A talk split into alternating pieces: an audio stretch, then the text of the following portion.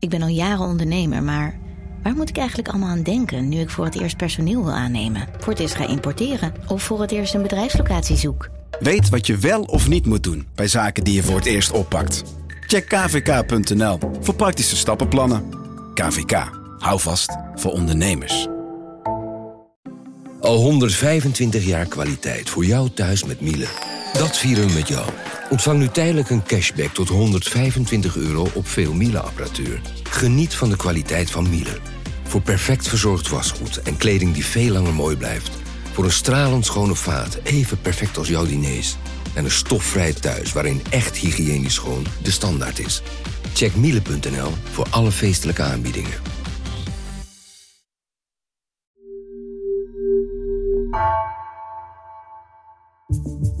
Vanaf de redactie van NRC het verhaal van vandaag.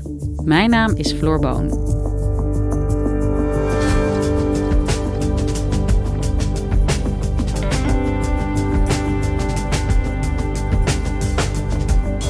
Het is niet duidelijk hoeveel mensen in Nederland precies long-covid hebben.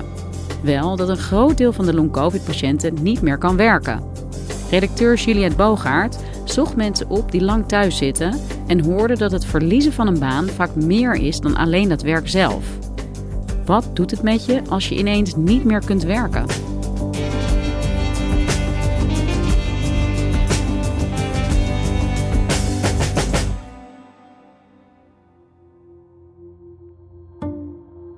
Ik ben gewoon door COVID helemaal uit het veld geslagen.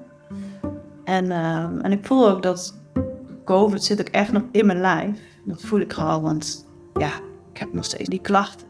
Je hoort hier Geertje Jorritsma. Zij is 39 jaar oud en heeft twee jonge kinderen die nog op de basisschool zitten.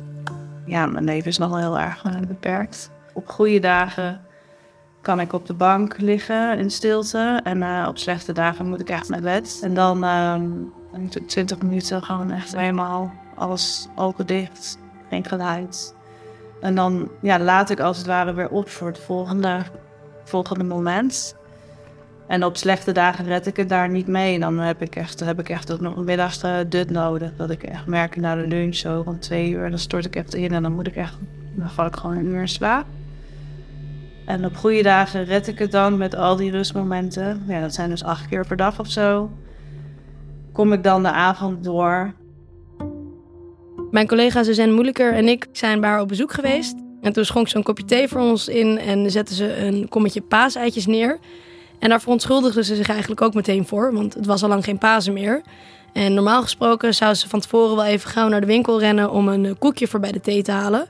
Maar daar had ze nu gewoon geen energie meer voor, want dan zou ze eigenlijk geen kracht meer over hebben voor het interview, dat al veel energie zou kosten. En zo merk je dat uh, al hele kleine dingen heel lastig zijn voor mensen met uh, klachten na corona.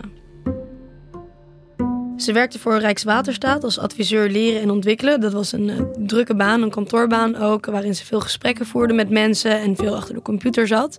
Allemaal zaken die nu juist heel erg lastig voor haar zijn. Ik ben nu 2,5 jaar ziek. Dus ik ben van november 2020 ben ik ziek geworden. Ze was eigenlijk niet eens heel erg ziek, maar ze werd gewoon niet beter. Ze merkte dat ze niet echt herstelde. Na een paar weken dacht ze toch, ik ga maar weer proberen aan het werk te gaan. En dat ging toen eigenlijk helemaal mis. En toen zat ik achter mijn laptop. En toen dacht ik, hè? Het gaat helemaal niet. Ik kreeg heel erg hoofdpijn, uh, oorzuizen, druk op mijn oren, druk op mijn ogen. En uh, ik werd heel erg moe. En dan zat ik dus eventjes uh, achter de laptop. Toen realiseerde ik mij van, oh shit, dit is niet goed. Na een jaar heeft ze toch wel weer een poging gedaan. Toen was ik bijna een jaar ziek. Toen voelde ik echt wel wat meer ruimte. En ik, ja, het ging, ik zat echt wel weer een stijgende lijn in. En ik had ook echt heel veel zin om weer te gaan werken. Maar wat je eigenlijk hoort van bijna iedereen die long-covid heeft... is dat het een heel grillig ziekteverloop is. Dus je hebt het idee, je kan wel weer wat. Dat ga je dan doen en dan val je weer net zo hard terug eigenlijk. En dat is wat zij, uh, wat zij ook meemaakte. Ja, ik wilde het echt gewoon weer gaan proberen. Maar dat viel helemaal verkeerd. Dus ik heb toen één keer een half uurtje gewerkt. En daar heb ik weken last van gehad. Geertje Jorritsma is een van de ruim 100.000 mensen die een jaar of langer thuis hebben gezeten of nog zitten nadat zij corona hebben gekregen. Jeetje, Juliette, wat een uh, intens verhaal horen we hier van Geertje. Ik ken, ik, ik, denk eigenlijk iedereen ook wel verhalen over long covid, maar dat je zo lang last hebt, dat vind ik eigenlijk bijna wel beangstigend. Ja, dat is het ook uh, voor veel mensen, inderdaad. Ook het gebrek aan perspectief word ik nog beter, uh, omdat het een nieuwe onbekende ziekte is. Officieel noemt het ministerie van Volksgezondheid het uh, sinds kort het post-COVID-syndroom.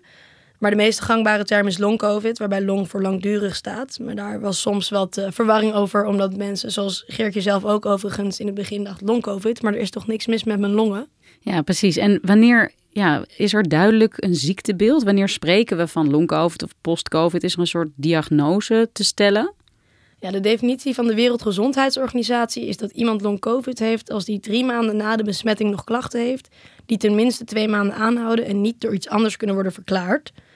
En er zijn ook wel een aantal symptomen die uh, duidelijk overeenkomen tussen de patiënten. Dat is vermoeidheid, hersenmist, concentratieproblemen, overprikkeling, hoofdpijn, dat soort uh, symptomen. En weten we om hoeveel mensen exact dit gaat in Nederland? Nee, daar hebben we eigenlijk geen idee van. Dat is een bewuste keuze in Nederland. Minister Ernst Kuipers wil eigenlijk niet dat dat bijgehouden gaat worden. Ik ben heel vaak gevraagd, wil je hier een registratie voor opzetten? En daarvoor is het antwoord nee, dat wil ik niet. Dat heeft een aantal verschillende redenen. Eén uh, is, de klachten in de tijd, ze variëren en het is heel lastig om precies te registreren. En tweede, en dat horen we heel vaak, uh, we hebben in de zorg te maken met een enorme hoeveelheid registratielast. En ook deze registratie er nog weer aan toevoegen. Uh, terwijl het ons niet helpt om te weten wat het exacte aantal patiënten is. Het probleem is groot en ik hoef niet te weten hoeveel patiënten het exact zijn. Je had het net over 100.000 ongeveer, dat is dan een soort schatting. Ja, die 100.000, dat is eigenlijk het aantal mensen dat een jaar of langer niet meer werkt vanwege long-covid. Maar hoeveel mensen in totaal het hebben, dat is heel lastig in te schatten door wat ik net vertelde. De schattingen lopen uiteen van 600 tot 900.000. Dus dat is heel erg breed. Het enige wat we eigenlijk wel kunnen zien is dus het aantal mensen dat niet meer werkt. Sinds februari vorig jaar is het mogelijk om een via-uitkering aan te vragen vanwege langdurige COVID-klachten. Dat hebben 2600 mensen gedaan en daarvan is 80% inderdaad arbeidsongeschikt verklaard. Dus dat is drie op de vijf. Dat is echt heel erg veel. Ja. Is er iets algemeens te zeggen over deze groep? Wie dat krijgt en wie er dus ook uiteindelijk arbeidsongeschikt raakt door long-covid? Ja, het komt het meest voor in de leeftijdscategorie 35 tot 54. Het zijn vaker vrouwen dan mannen. En dus ook mensen die uh, nog midden in hun werkende leven staan. En wat je ook ziet is dat de groep het grootst is onder mensen die in de zorg of het onderwijs werken. Dat zijn ook de sectoren die natuurlijk um, in de frontlinie stonden bij de coronacrisis. En waar de meeste besmettingen zijn opgelopen omdat zij bleven werken. En waar veel vrouwen werken. En waar veel vrouwen werken. Uh, en ook waar de personeelstekorten het grootst zijn en waar in de toekomst heel hard mensen nodig zijn juist. En dat is nu dus waar mensen uitvallen. Ja, dus dat is echt een extra probleem.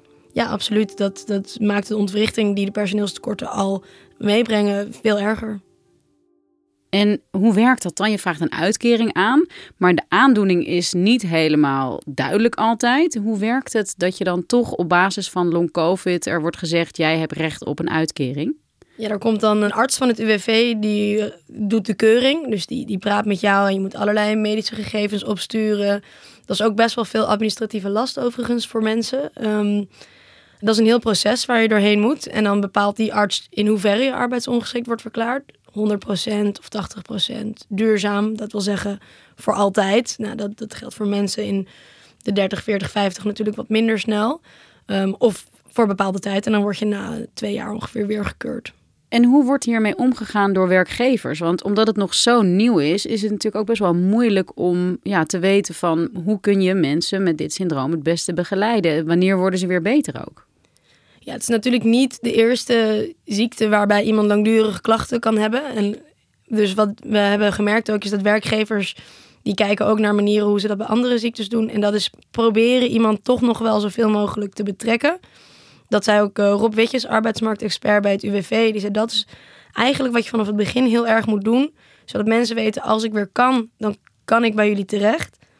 Maar uiteindelijk, na twee jaar mag je als werkgever iemand die langdurig ziek is ontslaan. En dat gebeurt toch wel meestal. In goed overleg wel met, met de werknemer. Maar dat is vaak wel een uh, onvermijdelijke actie uh, op dat punt. Er is ook altijd een, uh, een verplicht reïntegratietraject tussendoor. Um, en wat een van de mensen die wij spraken ook zei, die zei ja, ik moest dan sollicitatiebrieven schrijven, mijn cv opschonen. Maar iedereen wist dat ze nog niet kon werken. Dus ze heeft die brieven uiteindelijk ook nooit verstuurd. Dus mensen voelen wel druk om weer uh, hun best te doen om aan het werk te gaan. Ondanks dat ze misschien weten dat dat nog niet in de, in de mogelijkheden is. Ja, en wat jij beschrijft, hè, dat mensen langdurige klachten hebben uh, zonder dat duidelijk is wanneer dat overgaat. Dat geldt natuurlijk niet alleen voor dit post- of long-covid-syndroom. Dat zie je ook bij andere mensen die chronisch ziek zijn. Ja, zeker. Dus je ziet dat uh, ja, er is een soort systeem voor opgetuigd, maar dat, dat strookt niet altijd met wat mensen kunnen of, of willen. Dus dan moeten ze eigenlijk altijd maar weer kijken hoe gaan we aan het werk. Dus dat maakt ook een beetje dat, dat mensen misschien werk als deel van hun identiteit zijn uh, gaan zien en als noodzakelijk onderdeel van het leven. Wat het doorgaans ook is. Maar als je dat niet meer kan, dan is dat voor mensen heel erg lastig.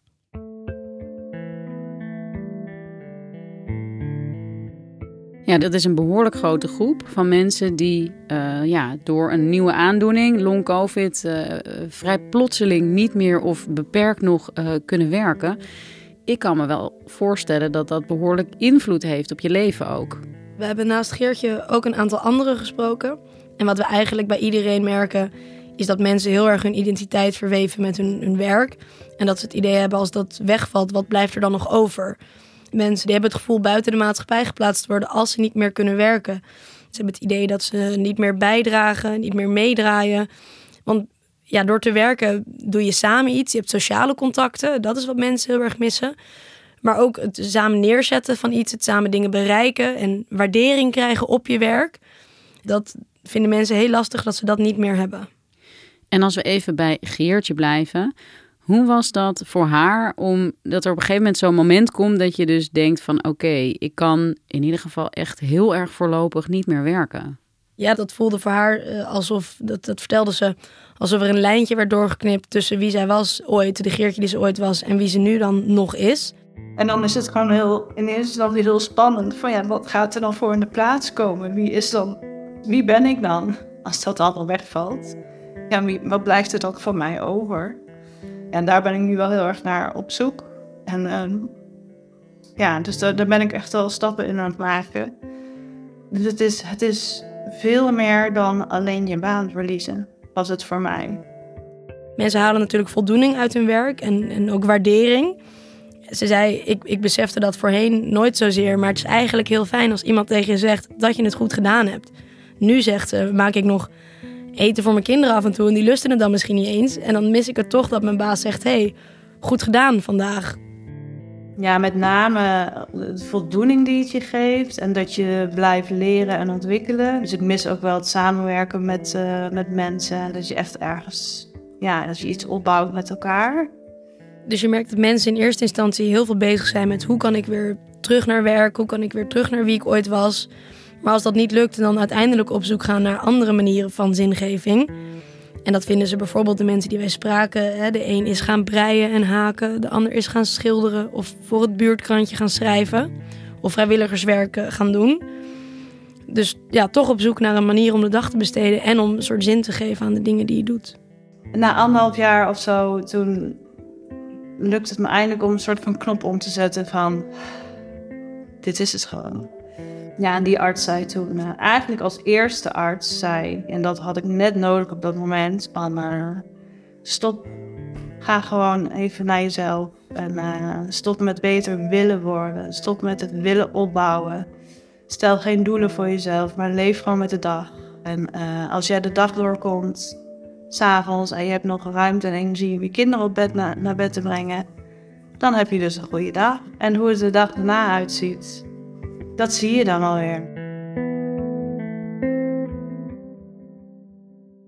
Is er een soort perspectief voor deze mensen? Of is het echt allemaal onduidelijk? Eigenlijk is het allemaal onduidelijk, want we weten niet hoe lang dit kan duren. Eh, we weten niet of het vijf jaar duurt of tien jaar duurt. Eh, we weten dat het voor veel mensen dus blijkbaar langer dan twee jaar duurt. Maar meer kunnen we nog niet weten, omdat het zo'n nieuwe ziekte is. Er is eigenlijk weinig wat mensen aan hun uh, situatie zelf kunnen doen. Um, met long covid ga je naar een revalidatiearts vaak. En vaak gaan mensen daar dan zitten met het idee: oké, maak mij maar beter, vertel me hoe ik beter word. Vervolgens krijgen ze te horen: nee, we gaan jou leren om te gaan met de situatie waar je nu in zit. Want daar zul je voor in ieder geval de voorlopige tijd in blijven. Ja, dus mensen hebben niet echt een duidelijk perspectief. Ja, wat, wat kan je dan? Hè? Moet je dan accepteren dat dit het is of zo? Dat lijkt me wel heel erg moeilijk. Nou, wat me echt is bijgebleven is dat veel mensen moeite hebben met het woord acceptatie. Een van de andere mensen die we spraken, die zeiden hij heeft het leren verdragen, maar zal het nooit leren accepteren. Dus ja, die zoekt dan toch een ander woord ervoor. En hij zegt ook, ja, in die zin heeft corona me onverschilliger gemaakt. Het kost me ook gewoon te veel energie om me er heel erg druk om te maken. Geertje ook, die zegt het voelt alsof je erbij neerlegt. En dat heb ik nooit gedaan en ga ik ook nooit doen. Ik weet nu dat dit mijn situatie is en ik probeer daarmee om te gaan. Ik blijf wel zoeken van wat, wat gebeurt er en ik blijf het opzoeken. En nee, dus jij vindt acceptatie zoiets van je zit in je hokje te wachten tot iemand je eruit trekt. Zo is het helemaal niet. Ze vindt het lastig om echt te accepteren dat dit haar situatie is, om dat zo te noemen. Want ze zegt, ik ben wel nog steeds op zoek naar nieuwe uh, invulling van mijn dagen en van mijn leven. En probeer me dan meer daarop te richten dan op alles wat er verder aan de hand is met mij. Ik ben nu eh, met uh, macramé, dus ik ben allemaal dingen met touw een beetje aan het maken. En ik heb een tijdje een beetje geschilderd. Kijk, het zijn, drie jaar geleden had ik hele andere hobby's. Veel meer met, met mensen, dus naar de bios, festivals. Uh, erop uit met de kinderen, dus je naar de dierentuin en zo. Ja, dat zijn allemaal dingen, dat gaat nu niet. Ze heeft bijvoorbeeld gitaarlessen en zanglessen genomen. En ze heeft ook een lied gemaakt over uh, haar ervaringen met long covid. En hoe het is dat je dus geen energie hebt. Dat je eigenlijk niets meer kan van wat je vroeger graag deed. Waaronder ook werken. Ja, en wat dat uh, met je doet, dat gebrek aan perspectief ook. Niet weten wanneer het beter wordt. Niet weten wanneer je toch iets kleins onderneemt. En iets kleins kan al zijn een kopje thee met een, uh, met een kennis of zo. Uh, en, en wat dat dan de volgende dag met je doet. Misschien moet je dan de volgende dag wel de hele dag op de bank liggen. Ik ben nu wel meer ja, gefocust op mezelf. Dus ik ben met meditatie bezig. En, uh, en ik voel gewoon steeds meer dat ik ja, meer contact maak met mijn hart. En dat ik steeds beter kan voelen van ja, wat wil ik nou eigenlijk? En hoe, hoe ga ik het leven invulling geven als dat er allemaal niet is? Ik ben wel gewoon blij met mezelf nu. En dat heb ik heel lang niet gevoeld. En ik ben ook gelukkig. Ik zit wel echt gewoon goed in mijn vel nu. Dankjewel, Juliette. Graag gedaan. Je luisterde naar vandaag, een podcast van NRC. Eén verhaal, elke dag. Deze aflevering werd gemaakt door Iris Verhulsdonk en JP Geersing. Coördinatie Henk Ruigrok van de Werven. Dit was vandaag. Maandag weer.